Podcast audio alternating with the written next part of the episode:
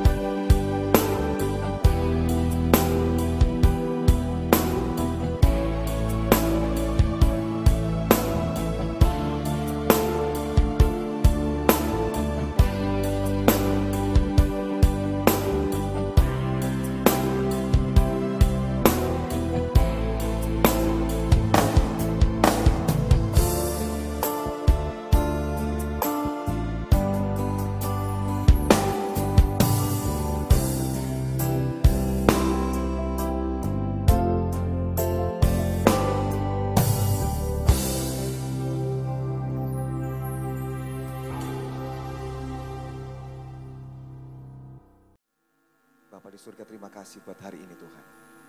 Berbicara kepada kami pada hari ini. Dan biar firman memberikan kekuatan buat kami.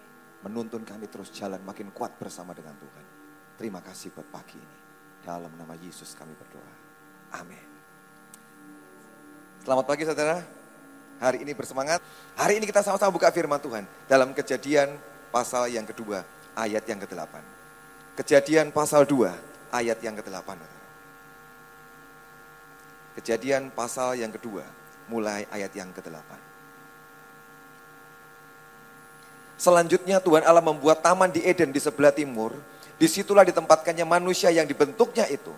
Lalu Tuhan Allah menumbuhkan berbagai-bagai pohon dari bumi yang menarik dan yang baik untuk dimakan buahnya. Dan pohon kehidupan di tengah-tengah taman itu. Serta pohon pengetahuan tentang yang baik dan yang jahat. Ada suatu sungai mengalir dari Eden untuk membasahi taman itu. Dan dari situ sungai itu terbagi menjadi empat cabang yang pertama namanya Pison, yang mengalir mengelilingi seluruh tanah Hawilah, tempat emas ada. Dan emas dari negeri itu baik. Di sana ada damar bedola dan batu krisopras. Nama sungai yang kedua ialah Gihon, yakni yang mengalir mengelilingi seluruh tanah Kus. Nama sungai yang ketiga ialah Tigris, yakni yang mengalir di sebelah timur Asyur. Dan sungai yang keempat ialah Efrat. Tuhan Allah mengambil manusia itu dan menempatkannya dalam taman Eden untuk mengusahakan dan memelihara taman itu. Tuhan menciptakan manusia dan ditaruh di Taman Eden. Kita tahu Pak Agung pernah ngajar, Eden artinya pleasure, sesuatu yang menyenangkan. Ketika Tuhan menciptakan manusia, dia punya planning, punya rencana yang luar biasa supaya ciptaannya ini senang, bahagia saudara. Kita mesti tahu, Tuhan ciptakan kita supaya kita bahagia. Amin. Jadi kalau saudara susah jangan ngomong, oh Tuhan sengaja buat aku susah. Enggak saudara. Dari pertama dia punya planning, rencana yang sempurna. Dia tempatkan kita dalam hidup yang baik, yang berbahagia. Saudara. Di taman itu. Tapi Adam dan Hawa yang ditaruh di taman itu. Yang ditetapkan diberi mimpi oleh banyak yang luar biasa oleh Tuhan. Yang ditarik, tar, diberikan tujuan yang hebat dalam hidupnya. Masa depan yang luar biasa Tuhan taruh buat hidupnya. Tapi sebab mereka salah, berdosa. Maka semua tujuan Tuhan semua target Tuhan, semua impian Tuhan, kerinduan Tuhan, tiba-tiba hilang dari hidup mereka. Dan mereka tidak menikmati lagi yang namanya pleasure, yang namanya menyenangkan, kebahagiaan dalam hidup mereka. Mereka keluar dan terbuang dari taman itu. Sebab hari itu mereka dosa, mereka salah. Dari mana saudara? Kok sampai mereka ini bisa salah? Kok sampai mereka itu makan buah? Kenapa bisa terjadi saudara? Padahal Tuhan itu sangat baik pada mereka. Kenapa saudara? Satu alasan yang Tuhan berikan buat saya. Mengapa sampai manusia itu berdosa? Sebab hari itu Adam dan Hawa mulai sedikit, sedikit tidak percaya kepada Tuhan. Enggak banyak kok saudara. Cuman sedikit. Cuma sedikit tidak percaya pada Tuhan. Sebab ketika mereka berdua di taman itu, dan ular datang mulai ngobrol dengan Hawa. Dia berkata, eh Hawa, semua pohon dalam taman ini nggak boleh dimakan kan? Hawa berkata, enggak, boleh kok, boleh dimakan. Tapi kalau kita makan, nanti mati, kata Hawa. Setan yang ngomong, ah enggak. Kalau kamu makan buah itu, kamu akan sama seperti Tuhan. Kamu enggak mati, sama seperti Tuhan. Kalau mungkin cuma sekali diomongin, mungkin belum mempan buat hawanya. Tapi setan itu rajin kok saudara. Mungkin berkali-kali diomongi. Tiap kali ketemu diomongi, gak mati kok, gak mati. Kalau kamu makan, kamu sama dengan Tuhan. Yang perkataan diomongin terus masuk ke telinga Hawa berhari-hari mungkin. Maka dalam hatinya mulai timbul, iya ya, Tuhan ini kok ngomong mati. Dia ngomong gak apa-apa kok. Bahkan bisa sama dengan Tuhan. Hatinya Hawa mulai sedikit, gak banyak saudara. Cuma sedikit kok. Mulai tidak percaya. Mungkin juga tidak mati. Mungkin sama dengan Tuhan. Makanya Tuhan gak mau supaya aku makan. Supaya aku tidak sama dengan dia. Ketika di hati Hawa mulai keluar, muncul sedikit ketidakpercayaan pada Tuhan. Maka di situlah muncul ketidaktaatan. Setelah dia tidak taat, dia makan buah itu. Setelah itu kutuk masuk dan hancur semuanya. Hanya butuh sedikit ketidakpercayaan. Cukup merusak Hawa dan Adam. Kita sadar kita ini sering saudara dalam hati kita. Sedikit tidak percaya dengan Tuhan. Saya nggak ngomong banyak saudara. Kadang-kadang sedikit tok. Sedang berdoa, sedang bergumul, belum dengar. Ada suara lain yang muncul. Tuhan tidak dengar doa. Tuhan tidak perhatikan engkau. Sedikit kok saudara. Tapi yang sedikit itu sudah cukup kuat untuk merusak, menghancurkan kita. Hawa diomongi terus. Dan tiba-tiba dia bisa lupa dan tidak percaya dengan Tuhan. Tiba-tiba kata mati. Tidak mengerikan buat Hawa lagi saudara. Tiba-tiba kata mati itu loh saudara. Tidak menakutkan. Diperlunak oleh setan. Gak mati. Lu malah selevel loh Hawa. Dan tiba-tiba yang bahaya itu dianggap tidak apa-apa. Dan dia makan. Dan betul saudara, sepertinya gak mati kok saudara. Apa yang dikatakan setan malah terjadi saudara. Kamu akan sama dengan Tuhan, tahu yang baik, tahu yang jahat. Sebab setelah Hawa makan buah itu, langsung dia tahu perbedaannya saudara. Hidup di taman yang bahagia, yang tenang, yang enak. Alkitab katakan, waktu mereka diusir dari taman itu, sorrow, penderitaan, masuk dalam mereka langsung. Di situ baru mereka berdua tahun namanya. Aku tidak pernah tahu yang namanya duka cita. Kesusahan aku nggak tahu. Tapi detik aku makan buah itu dan aku diusir dari taman itu. Aku tahu yang namanya penderitaan dan susah. Di dalam gak pernah ngerasain. Adam dan Hawa gak pernah tahu saudara yang namanya duka cita, kesusahan gak pernah tahu saudara. Ketika dia makan buah itu, baru dia mulai masuk penderitaan, kesukaran dalam hidupnya. Dan dia berkata, tidak enak ternyata ya. Kalau orang susah dan menderita. Tidak enak. Bukan cuma itu saudara. Alkitab catat begitu banyak hal-hal yang mereka alami saudara. Hari itu dikatakan tanah terkutuk. Di taman itu semuanya diberkati Tuhan. Semua pohon tumbuh berbuah. Di luar tanah terkutuk. Engkau harus kerja keras mengolah tanah supaya menghasilkan. Di taman itu dia nggak pernah buat itu. Di luar taman dia masih kerja keras. Yang ketiga, mereka alami penurunan, downgrade. Di taman Allah katakan makan semua buah. Waktu mereka keluar dari sana saudara, apa yang terjadi? Alkitab penulis, mereka eat herbs. Mereka makan tanam-tanaman, sayuran jadi makanan mereka.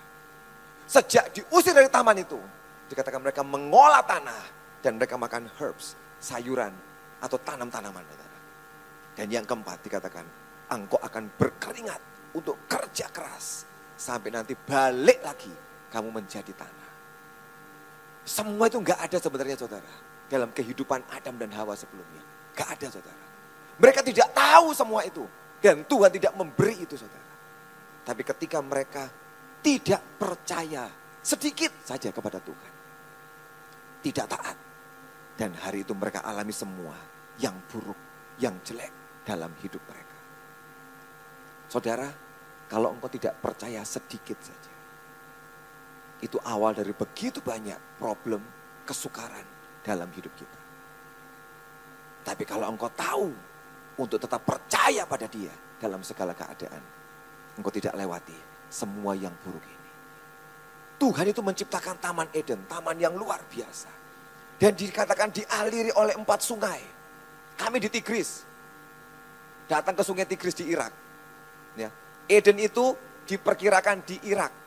Sungai Efrat ada di sana, Tigris sana di negara Irak, saudara. Kami di sungai Tigris, naik kapal dan makan di atas kapal. Bagus kapalnya. Saudara. Empat sungai di, di Taman Eden. Yang pertama sungainya adalah sungai Pison. Apa arti Pison, saudara? Dia beri nama di taman itu sungainya Pison, artinya increase Waktu Tuhan menciptakan manusia, planning pertama, dia ingin memberikan manusia itu pertumbuhan increase. Gak mandek hidupnya saudara. Saya tahu tidak seorang pun pengen mandek hidupnya. Kita pengen semua berkembang, bertumbuh. Dari tahun ke tahun lebih baik keadaan kita. Dan Tuhan siapkan di sana saudara. Dia ciptakan Eden yang berkata, di tempat ini ada pertumbuhan, ada increase. Kalau engkau tetap di dalam ini, tidak keluar dari sini. Engkau alami pertumbuhan dalam hidupmu. Dan dia siapkan buat Adam dan Hawa. Supaya hidup kedua orang ini mengalami terus pertumbuhan. Tidak sak hidupnya saudara. Sungai yang kedua namanya Gihon. Bukan kebetulan saudara. Setiap nama yang Tuhan kasih buat sungai itu. Gak kebetulan, oh kasih nama aja. Enggak saudara. Dia punya maksud, punya arti yang dalam. Yang kedua namanya Gihon. Artinya bursting forth atau breakthrough. Sesuatu yang jebol. Sehingga apa yang terjadi? Kalau semuanya dijebol, dibuat breakthrough, artinya gak ada bisa menghalangi hidup mereka. Tidak satu bisa menghadang mereka. Sebab semua yang coba menutup mereka, menghentikan mereka, dijebol saudara. Hidupnya tidak pernah ditahan. Hidupnya gak pernah dibatasi saudara. Terus ada penjebolan demi penjebolan. Dan Tuhan mau buat dalam hidup Adam dan Hawa. Juga dalam hidup kita saudara. Amin. Hidupmu dibuat penuh dengan breakthrough. Persoalan datang gak apa-apa. Sebab engkau punya yang namanya gihon dalam hidupmu. Engkau terobos dan robohkan penghalangnya. Dan kau bisa lewati lalui dengan kemenangan bersama dengan Tuhan. Amin. Terobosan dia beri buat Adam dan Hawa. Yang ketiga, sungai Hidekal atau Tigris yang artinya rapid atau acceleration. Sesuatu yang cepat, saudara. Semua kita suka yang cepat. Gak ada orang pengen lambat-lambat hidupnya.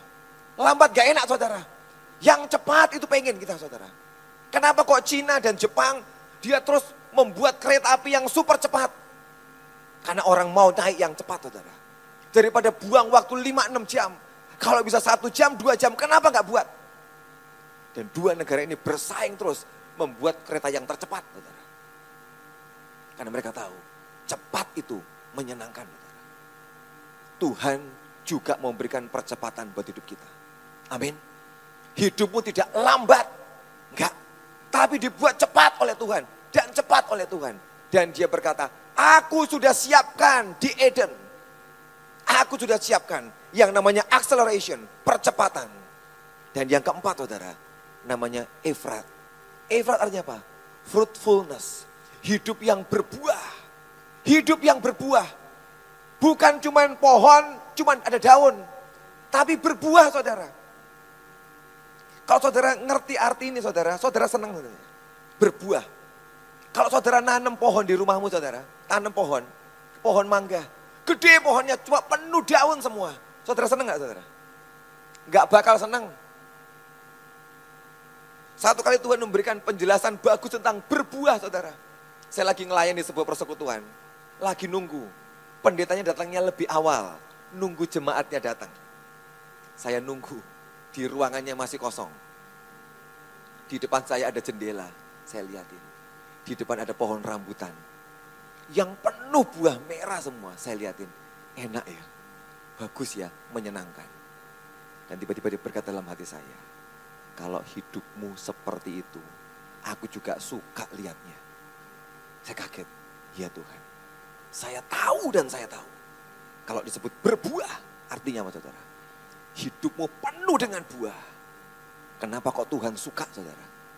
Sebab menyenangkan kok saudara. Engkau lihat pohon mangga yang penuh buah. Pohon mangga yang penuh daun. Tidak kagum yang penuh daun. Wah bagus ya, banyak daunnya. Gak bakal saudara. Tapi kau akan lihat yang punya buah. Wah luar biasa ya. Senang dilihatin. Sebab berbuah banyak.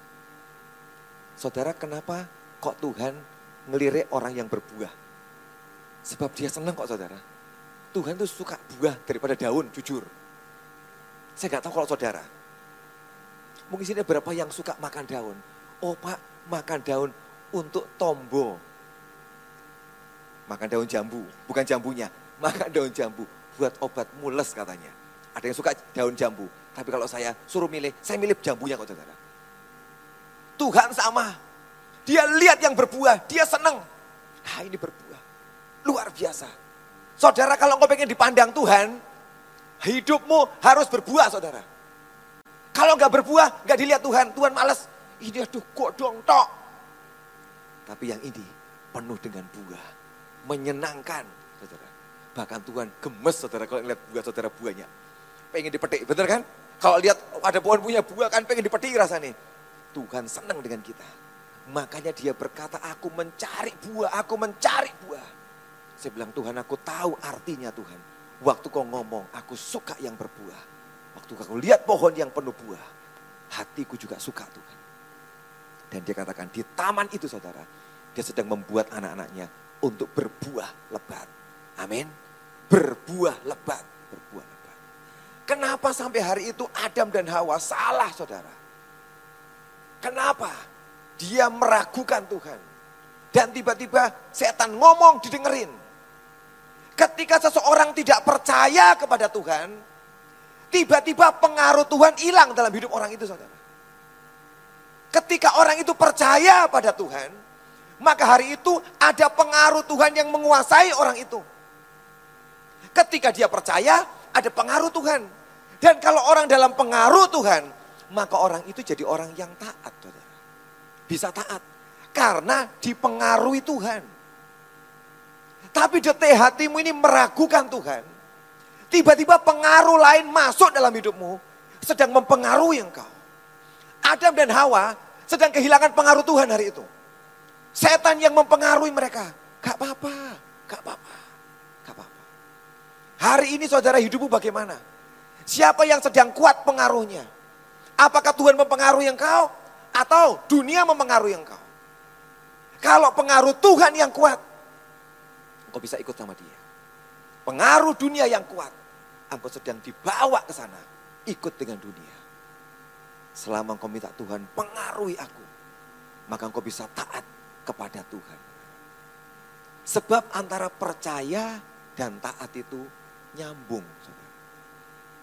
Kalau saudara mau taat dengan seseorang, engkau mesti percaya dulu dengan orang itu. Kalau engkau tidak percaya seseorang, sukar buat taat saudara. Kecuali kalau diancam pistol gini ya harus. Tapi kan sebenarnya nggak mau taat, itu ancaman. Tapi orang yang natural, kita ini mau taat kalau kita percaya. Guru berkata, belajar anak-anak supaya pinter. Percaya nggak? Kok percaya? Akan belajar. Kalau nggak percaya, nggak mau belajar. Allah cuman omongan tok, apa iya? Begitu kau tidak percaya dengan perkataan guru, kau tidak mau belajar. Percuma kau usah belajar. Nanti nilainya 3, 4, 5. Tapi kalau orang-orang yang percaya dengan gurunya, belajar ini, ini bahan ulangan. Dia percaya dan dia taat mengerjakan. Ulangannya dapat bagus-bagus saudara. Karena diomongin dan percaya. Dengan Tuhan sama saudara. Kenapa kita sulit taat dengan Tuhan? Kenapa? Kalau mau ditarik dalam hatimu sebenarnya, hatimu sedang tidak percaya. Kalau kau sungguh-sungguh percaya, pasti kau kerjakan. Tapi kalau hatimu ada sedikit keraguan, engkau tidak mau ngerjain. Apa iya? Apa benar?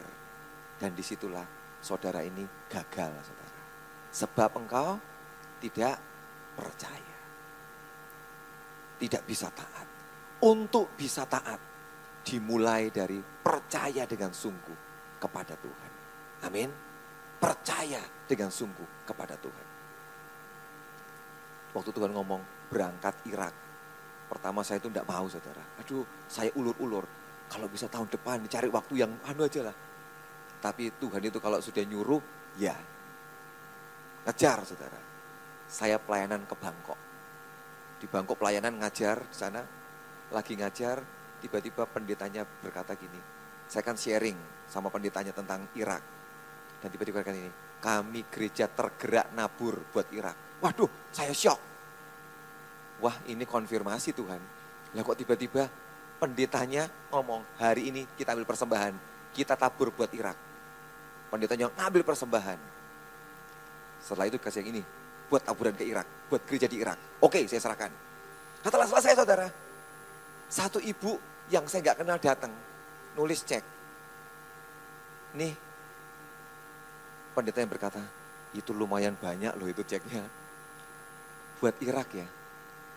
Dua orang ngasih saya. Saya bilang Tuhan, ya wes Tuhan, saya tahu Tuhan, segera berangkat. Habis pulang dari Thailand, saya langsung urus visa saudara. Sudah masukin semua, masukin. Aku ngerti. Tuhan bilang, kamu mau berangkat, duitnya sudah tak kirim loh ini buat orang-orang Irak. Waktu kita itu mau taat dengan Tuhan. Dia ngatur semua dengan luar biasa. Amin. Sebab kita percaya, kita itu mau taat. Di mana orang pertama itu dipanggil Tuhan, Adam dan Hawa? Di Irak, saudara. Jangan ngomong sama orang Irak, eh kamu bersyukur loh. Adam dan Hawa dari tempat ini loh. Tapi emang orang Irak, saudara, ganteng-ganteng, cantik-cantik, saudara. Waduh. Percaya enggak? Percaya? Nah, yang sana percaya langsung percaya. Bener, saudara. Ganteng-ganteng. Yance itu lumayan sebenarnya. Tapi sana putus ancur langsung dia. Ketemu sama orang Irak. Benar, saudara. Wah Butina itu loh saudara, oh, dipotoni semua. Tapi yang anak-anak saudara, yang anak-anak dipotoni, wah cakep-cakep semua. Saya lihat ini, makanya kok Sarah itu pernah ditaksir sama siapa? Abimelek ya kan? Sarah itu cantik banget. Saya lihat bener orang Irak itu cantik-cantik. Bener-bener. Jadi saya bilang, ya Sarah ya kok ini rupa nih. Kayak gini mukanya Sarah ini. Karena dari Irak saudara, memang orangnya cantik-cantik. Yang laki cakep-cakep, perempuan cantik-cantik. Tapi saya senang di sana saudara, kenapa? Kalau saya jalan, semua orang memandang saya. Wah saya senang saudara, kenapa? Turis, nah itu loh. Tidak ada model kayak gini, tidak ada. Semua hidungnya mancung-mancung. Yang model gini sedikit tok, cuma lima. Cuma lima tok. Jadi semua yang kita jalan di mana-mana, orang-orang cakep, orang cantik, noleh semua lihat kita. Wah kita jadi bangga jalannya ya. Karena ini lain sendiri. Hidungnya rodok masuk, tidak sepanjang mereka. Tidak terlalu putih saudara. Matanya rodok sipit. Beda, jadi perhatian. Jadi saya ngerti, Sarah itu memang cantik kok saudara. Saya percaya akhirnya. Rahel, Ribka juga cantik, wong sama saudara. Yang pertama Tuhan panggil orang-orang ini, Adam dan Hawa, gagal saudara. Rencana Tuhan yang besar buat mereka gagal. Gak jadi saudara. Dia sediakan semua yang luar biasa. Tidak terjadi. Apakah Tuhan putus asa? Tidak. Tuhan coba lagi saudara. Di mana dia nyari yang berikutnya saudara? Tetap dari Irak tuh saudara. Saya heran. Abraham itu orang apa? Orang Ur. Ur itu di mana? di utara dari Baghdad, sekian jam ke, ke atas. Tempat kampungnya Abraham di sana. Tuhan ngomong, lihat cerita ini. Adam dan Hawa aku panggil dari dari tanah itu yang sama. Gagal. Tapi aku coba ulangi lagi. Manggil satu orang. Apakah ada yang mau taat? Apakah ada yang mau taat? Abraham taat saudara. Abraham itu hidup di zaman yang enak saudara. Mesopotamia itu punya peradaban yang tinggi. Babel terkenal punya peradaban yang tinggi saudara. Jadi sebelum di tempat-tempat lain orang punya peradaban bagus. Di sana sudah bagus negaranya. Sudah maju, berkembang dengan bagus saudara. Dan kota tempat Abraham tinggal itu kota yang bagus. Kota yang kaya. Kota perdagangan. Semuanya ada. Dan Abraham ini orang kaya Abraham ini. Bukan orang miskin. Dia orang kaya orang yang berhasil. Dan apakah Abraham kenal Tuhan? Alkitab berkata enggak. Abraham itu menyembah berhala sebelumnya saudara. Sama dengan orang-orang sebelumnya di sekitarnya. Tapi satu kali Tuhan datang pada Abraham. Dan ngobrol sama Abraham. Menyatakan dirinya. Begitu Tuhan datang, langsung minta Abraham keluar. Tinggalkan keluargamu, kotamu, bangsamu pergi ke negeri yang kutujukan kepadamu. Tuhan ketemu dengan Abraham langsung ngomong. Saudara, kalau ketemu orang pertama kali nggak tahu siapa itu, tiba-tiba ngajakin saudara, kira-kira mau nggak saudara? Nggak pernah tahu. Abraham itu nyembah berhala juga dengan keluarganya sama. Tiba-tiba Tuhan muncul dan ngomong sama dia dan ngajak dia pergi tinggalkan tempat ini. Tidak gampang. Tidak gampang buat Abraham. Kenapa kok Tuhan begitu menghargai Abraham saudara? Sebab memang yang dihadapi Abraham tidak gampang. Kalau kita yang diajak, nggak bakal mau saudara. Nggak bakal mau, siapa yang mau? Sudah mapan hidupnya, sudah nyaman, sudah kaya, enak semuanya. Suruh pindah ke sebuah tempat yang nggak tentu. Nggak ada yang mau. Siapa yang mau? Nggak bakal ada. Kenapa Tuhan begitu menghargai Abraham? Sebab dia tahu orang ini. Dia nggak lihat apa-apa. Dia nggak tahu ke mana dia pergi. Dia berkata, ya Tuhan aku siap. Pergi. Tinggalkan keluargamu. Pergi tinggalkan. Dan dia taat. Kenapa Abraham bisa taat saudara? Sebab dia percaya Tuhan yang nemui dia. Dia percaya kalau dia yang suruh pasti baik. Padahal Tuhannya tidak tentu loh saudara hari itu. Ngajaknya ke mana? Ke negeri yang kutunjukkan kepadamu. Mana Tuhan? Ya pokoknya ada. Bok ngomong Tuhan, ada. Pokoknya ada. Tuhan tidak jelasin apa-apa saudara. Saudara mau tidak diberi janji yang model gitu? Pokoknya ada-ada. Ditolong tidak Tuhan? Pokoknya Wisto. Susah buat kita saudara, susah. Tapi orang ini mau percaya. Di situlah Tuhan begitu menghargai orang ini. Sebab sekalipun dia tidak tahu, tidak tahu. Tapi dia memutuskan, aku mau percaya. Tuhan berkata, keluar dari negerimu. Keluar dari negerimu. Saya itu kemarin sepanjang hari di Bandung, saudara. eh di Jakarta. Karena tadi pagi baru datang, baru nyampe. Diundang khotbah di Jakarta. Sepanjang hari istirahat di rumahnya, Pak Obed Burahel di sana. Saya merenung Tuhan, kenapa ya Tuhan? Kok si Abraham ini disuruh keluar dari kotanya, kenapa? Disuruh keluar dari keluarganya ini kenapa? Kenapa Tuhan? Saya tanya Tuhan, Bapak doa tanya, kenapa ya Tuhan? Tiba-tiba dia ngomong gini, kalau tidak keluar susah. Sebab pengaruh keluarga terlalu kuat. Kalau dia di rumahnya, di kotanya, di negaranya, pengaruh yang kuat itu ya dari keluarga, dari masyarakatnya, dari negaranya. Aku susah ngubah Abraham. Makanya tak suruh keluar. Waktu dia keluar, gak punya siapa-siapa. Cuman punya aku. Jadi buat aku lebih gampang mempengaruhi dia. Ketimbang dia tinggal di rumahnya. Di rumahnya banyak keluarganya. Aku ngomong, persembahkan Ishak. Keluarganya ngomong, ojo ngawur ya. Maka Abraham batal. Gak usah, masa Ishak dipersembahkan batal. Dia ngomong sebab aku tahu yang mempengaruhi dia begitu banyak. Susah buat aku mempengaruhi dia. Dan aku katakan keluar Abraham. Waktu tidak ada siapa-siapa lagi yang bisa intervensi hidup Abraham. Cuman aku yang bisa ngontrol hidupnya. Maka pengaruhku yang masuk dalam hidup Abraham. Sehingga orang ini bisa aku atur, aku kendalikan. Yang lain tidak bisa. Keluar, keluar, keluar. Oh itu toh Tuhan. Ya, itulah. Tuhan dengan kita sama, saudara. Engkau sedang mau diangkat, dipisahin dari dunia, saudara. Supaya apa?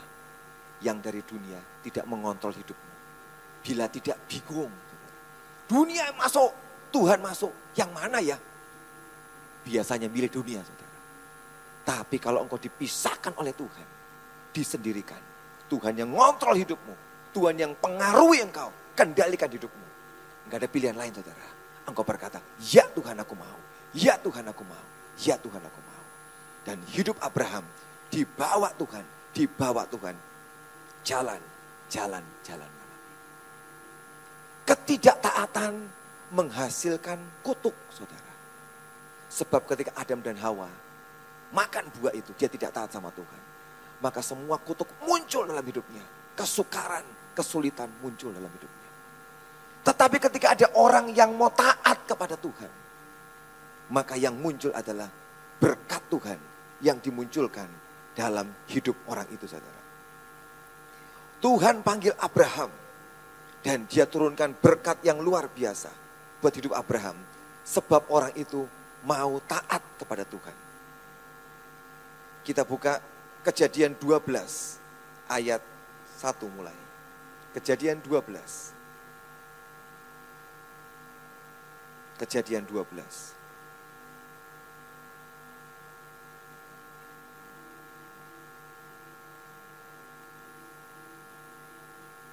Berfirmanlah Tuhan kepada Abraham, pergilah dari negerimu dan dari sanak saudaramu dan dari rumah bapamu ini ke negeri yang aku tunjukkan kepadamu.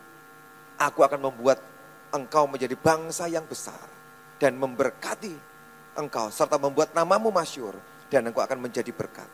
Aku akan memberkati orang-orang yang memberkati engkau dan mengutuk orang-orang yang mengutuk engkau dan olehmu semua kaum di muka bumi akan mendapat berkat. Ketika Abraham melangkah di dalam ketaatan, maka ketaatan itu menghasilkan berkat di dalam hidupnya. Apa yang Tuhan ucapkan buat Abraham? Aku akan membuat engkau menjadi bangsa yang besar. Pertama janji Tuhan, kamu jadi bangsa yang besar. Mustahil saudara, kalau cuma suami istri, Abraham dan Sarah, jadi bangsa besar, mustahil saudara. Tetapi Tuhan berkata jadi bangsa yang besar. Waktu Tuhan berjanji, Tuhan buat benar-benar mereka jadi bangsa yang besar. Kondisinya gak mungkin, apalagi mandul hari itu saranya. Tapi hari itu Tuhan berjanji, kamu jadi bangsa yang besar.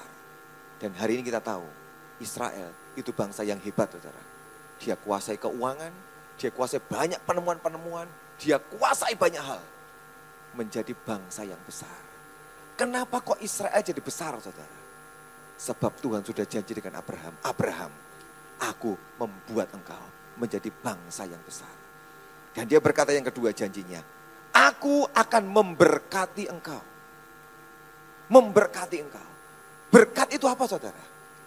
Berkat itu sesuatu yang Tuhan beri dalam hidup kita. Sebab pemberian itu, maka apa pun yang kita pegang, yang kita kerjakan itu bisa bertumbuh, berkembang, berhasil luar biasa. Itu berkat. Bukan duitnya, tapi sesuatu yang dia taruh di sana. Sehingga membuat apa yang kita punya bisa tumbuh jadi cepat saudara. Saudara kalau pernah buat roti, ya, buat roti dikasih ragi saudara. Dikasih hes. Hes itu mengembangkan tepungnya itu saudara. Yang udah dicampur itu saudara. Berkat itu sama kerjanya. Waktu ditaruh ke tepung itu, Tiba-tiba tepung yang biasa tumbuh, tumbuh, tumbuh, berkembang. Dan dikatakan Abraham, aku taruh itu dalam hidup.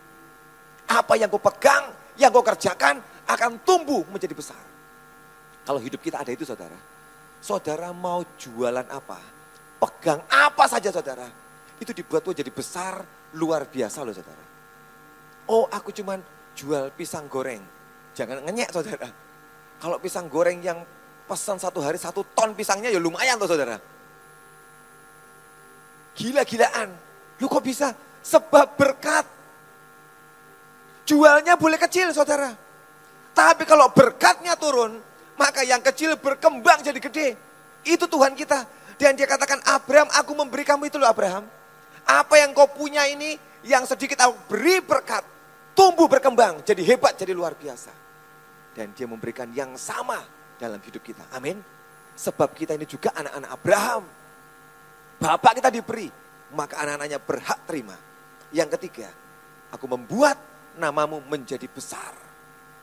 Hari ini semua tiga agama besar di dunia ngakuin Abraham bapaknya. Orang Kristen ngakuin, orang Islam ngakuin, orang Yahudi ngakuin. Bapak kami Abraham. Semua rebutan, ini bapakku. Kenapa saudara? Sebab ini orang besar. Semua ngaku ini bapakku. Tapi kalau orang-orang yang yang jahat, orang-orang yang tidak terkenal, malu kita ngakuin. Sebab dia orang hebat, orang besar, semua ngakuin dia bapakku. Dan dia namanya terkenal menjadi besar. Yang keempat, engkau akan jadi berkat. Berkat yang Tuhan ucapkan Abraham, kamu ini akan jadi berkat Hidupmu tidak cuma diberkati, kita juga sedang dibawa ke sana. Amin. Level kita itu ada empat saudara. Kurang. Cukup.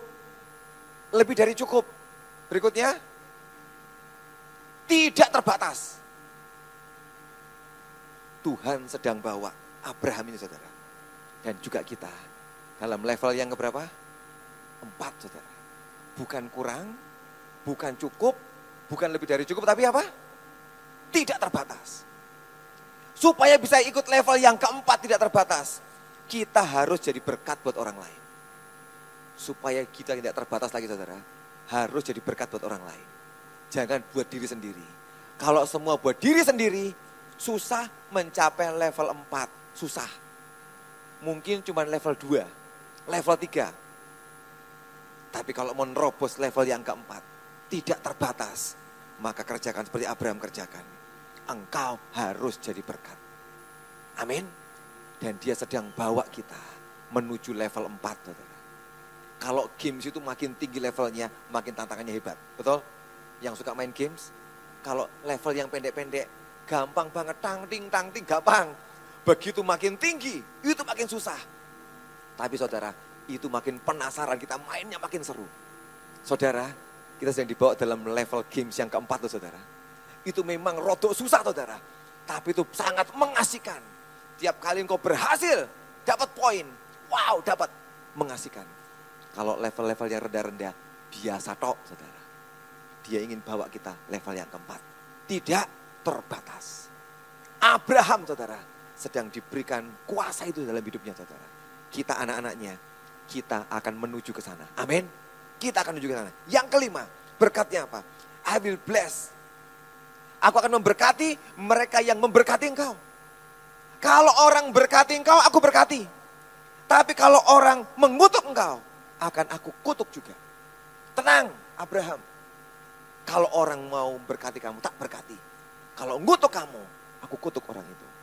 Terjadi saudara, satu kali istrinya Abraham ditaksir orang sama Abimelek saudara. Abraham itu tidak jujur. Ditanyain, ini siapa? Saudaraku. Ya. Sok-sokan saudaraku. Akhirnya Abimelek apa? Diambil saudara Abimelek. Oh saudara. Diambil. Abraham rotok gelo hatinya. Aduh diambil. Tapi dia tidak punya daya saudara. Kenapa? Itu raja yang ngambil. Ya sudah. Sarah dibawa ke istananya Abimelek. Sampai di istana. Sarah tinggal di sana malamnya Tuhan datang ketemu sama Abimelek. Melek, melek. Itu yang kamu bawa pulang siapa? Saudaranya Abraham. Saudara-saudara, itu istrinya tahu enggak? Itu bukan saudara. Kalau kamu ambil dia, malam ini aku matiin kamu semua ya. Langsung Abimelek tengah malam mimpi buruk saudara Pagi-pagi dia bangun, dia ngomong, ini bukan saudaranya. Dipanggil Abraham, Abraham sini. Ini siapa? Saudaraku. Saudara apa istri? Dua-dua. Dia istriku juga saudaraku. Sebab dia ngomong, ini bapaknya sama, ibunya yang beda. Makanya saudaraku. Tapi juga jadi istriku. Kamu ya menipu aku ya. Tadi malam hampir aku mati semua. Gara-gara dia. Ini ambil, pulang. Terus ya wis ini domba-domba sekalian, mas-mas kalian ikut. Sebagai permintaan maaf atas nama Raja Abimelek dan keluarga. Sarah dipulangkan utuh, ditambahin domba, lembu, sapi, macam-macam mas-masan. Nih, kembalikan. Lalu Abraham ketawa-ketawa. Lumayan juga ya itu kurang ajar saudara. Istrinya di, dijol-jol kayak gitu. Tapi pulang lumayan, dapat tambahan bonus saudara. Banyak dapatnya. Abraham tidak bilang apa-apa loh. Tuhan ngomong, kalau ada yang macam-macam sama kamu Abraham, tenang. Aku yang turun tangan. Saudara, kalau engkau itu dapat berkati Abraham saudara. Tenang saudara. Dia jadi pembela hidup saudara. Amin. Itu enak loh saudara. Kalau yang bela Tuhan tuh enak, beres semuanya. Sampai Tuhan ikut sibuk. Tenang Abraham, aku yang ngurusin. Kenapa? Sebab terlanjur janji Tuhan. Kok sampai seperti ini saudara Tuhan sama Abraham? Sebab Abraham itu orang yang berkata Tuhan, aku mau taat. Aku mau taat. Memang taat itu tidak gampang saudara. Ya kan? Buat taat sama Tuhan gampang lah saudara. Tidak gampang. Kalau taat yang enak-enak itu ya biasa, bisa dikerjakan. Tapi kadang-kadang yang dia perintahkan yang tidak gampang saudara. Yang sukar, yang tidak enak, susah. Bagian kita apa? Taat. Kalau engkau mau taat sama Tuhan, maka dia lihat engkau taat. Maka dia sedang menyiapkan sesuatu yang besar, yang luar biasa dalam hidup saudara. Sebab dia itu sangat suka dengan orang-orang yang taat. Amin. Kenapa dia suka saudara? Sebab dia itu punya sifat seperti itu saudara. Tuhan itu punya sifat ketaatan yang bagus saudara. Dan dia lihat kalau ada orang yang mirip sama dia, sama. Ini kok sama dengan sifatku ya. Aku ini bukan pemberontak, tapi yang taat. Dia punya juga. Maka ini aku cocok sama dia. Aku cocok sama ini. Dan Tuhan suka. Waktu dia suka, dia akan janji banyak buat kita saudara. Tapi kalau engkau tidak taat, beda dengan Tuhan.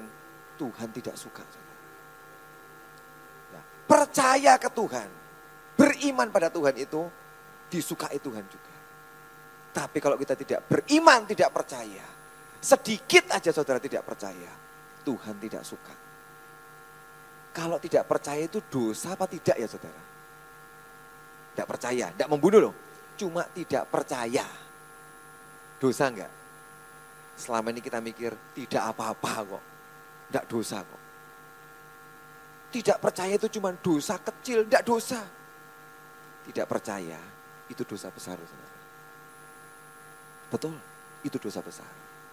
Orang yang diajak terima Yesus tidak percaya. Hukumannya apa saudara? Masuk neraka. Jadi ketidakpercayaan itu bukan biasa saudara. Di hadapan Tuhan sebuah dosa. Kalau Tuhan berkata, buat ini aku janji sama kamu. Kita bilang, ah gak mungkin. Wah gak bisa. Kau gak percaya. Engkau sudah dosa kepada Tuhan. Sebab kau sedang meremehkan Tuhan. Dia gak bisa, dia gak mampu. Tapi kalau engkau percaya dengan dia, aku percaya Tuhan. Dia itu sangat suka. Tuhan kita sangat suka dipercayai. Tuhan kita sangat suka dipercayai. Dan Tuhan kita sangat suka kalau dimintai tolong. Kalau saudara diminta tolong suka enggak? Kurang suka. Tapi saya mau kasih tahu buat saudara pagi ini. Tuhan kita paling senang kalau dimintai tolong. Kalau kita nggak minta tolong, dia malah susah. Tapi kalau kita diminta tolong sama Tuhan, Tuhan aku percaya, tolongi aku, engkau bisa buat. Tuhan bangga banget. Dan dia akan datang dalam hidup saudara, menolong saudara. Tuhan suka diminta tolongin. Kalau saudara tidak minta tolong sama dia, salah saudara sendiri. Kalau saudara mau percaya sama dia dan minta tolong pada dia. Dia dengan sukacita dan sangat senang. Kalau ada anak-anaknya berkata Tuhan tolong aku. Dia sangat senang kalau ada orang yang minta tolong sama dia.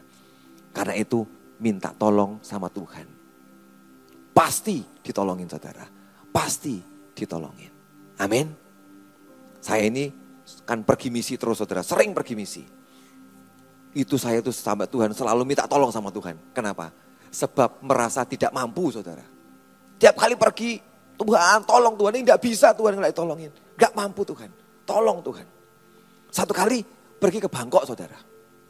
Suruh ke Bangkok. Tuhan ini gimana ke Bangkok tidak punya teman yang bisa nolong, gimana caranya? Tuhan tuh luar biasa. Waktu minta tolong sama dia, dia kerja. Apa yang Tuhan buat? Saya punya teman teman saya punya teman. Teman ini punya teman. Punya teman. Jadi itu oper empat kali, lima kali. Saya punya teman, teman, teman, teman, teman-temannya teman.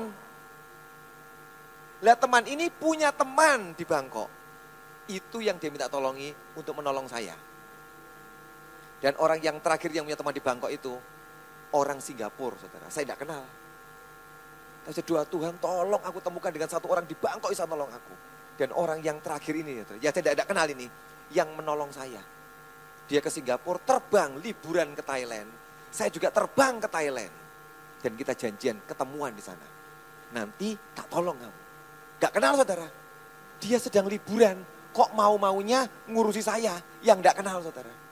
Sampai sana dibantu sama dia, ketemu sama dia katakan, nanti aku cari temanku, orang Bangkok. Yang juga aku pernah ketemu tiga tahun lalu Nah sekarang ya semoga bisa ketemu. Nah puji Tuhan. Ditelepon orangnya saudara. Eh ada ketemuan maka saya dengan teman-teman teman-teman ini dengan satu pendeta di sana yang tidak kenal. Ketemu kita bertiga, ngobrol. Dan pendetanya berkata, aku mau tolong kamu, ngaturin semua. Karena aku ini menguasai beberapa gereja di Thailand. Aku yang bantu kamu, ngatur semua seminarmu, KKR-mu, semua aku yang ngaturin. Saya lihat itu saya takjub sama Tuhan, saudara. Kok ya bisa ya Tuhan?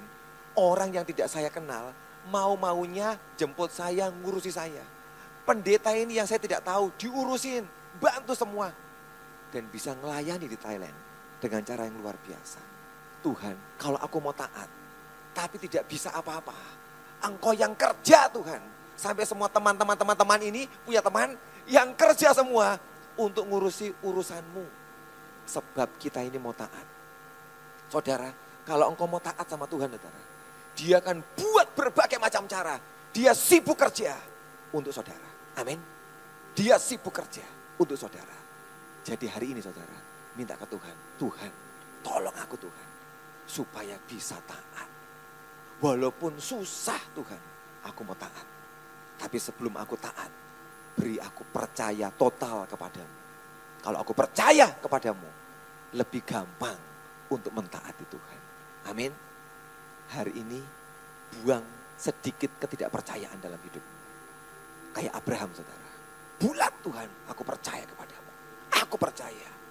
Dan saudara alami terobosan. Empat janji sungai di Eden jadi bagian saudara. Engkau akan alami increase pertumbuhan. Akan alami breakthrough dalam hidupmu. Akan alami percepatan dalam hidupmu. Dan hidup yang berbuah. Amin. Hari ini minta saudara. Tuhan aku nggak punya yang ini Tuhan. Aku nggak punya yang ini. Hari kata aku mau taat dengan engkau Tuhan. Dan aku minta empat sungai ini Tuhan. Sedang ngalir. Sungai pertumbuhan increase. Breakthrough terobosan. Percepatan. Dan berbuah lebat. Masuk dalam hidupku. Pekerjaanku, pelayananku. Jadi Tuhan. Aku mau pegang komitmen dengan Tuhan. Taat dengan engkau. Tutup Alkitab saudara. Mari kita berdiri sama-sama saudara. Kita berdoa. Terima kasih Tuhan, terima kasih Tuhan. Bapak di surga terima kasih Tuhan. Kami bersyukur buat hari ini, buat anugerah. Kalau Adam dan Hawa gagal mentaati engkau. Tapi ada satu orang yang berani taat kepadamu Tuhan. Yang berani taat kepadamu. Sekalipun tidak mudah buat Abraham taat kepadamu. Hari ini kami mau Tuhan. Punya spiritnya Abraham Tuhan yang mau taat kepadamu Tuhan. Yang mau taat kepadamu. Sekalipun mungkin kami tidak tahu Tuhan. Kami mau taat kepadamu Tuhan. Terima kasih Bapak, terima.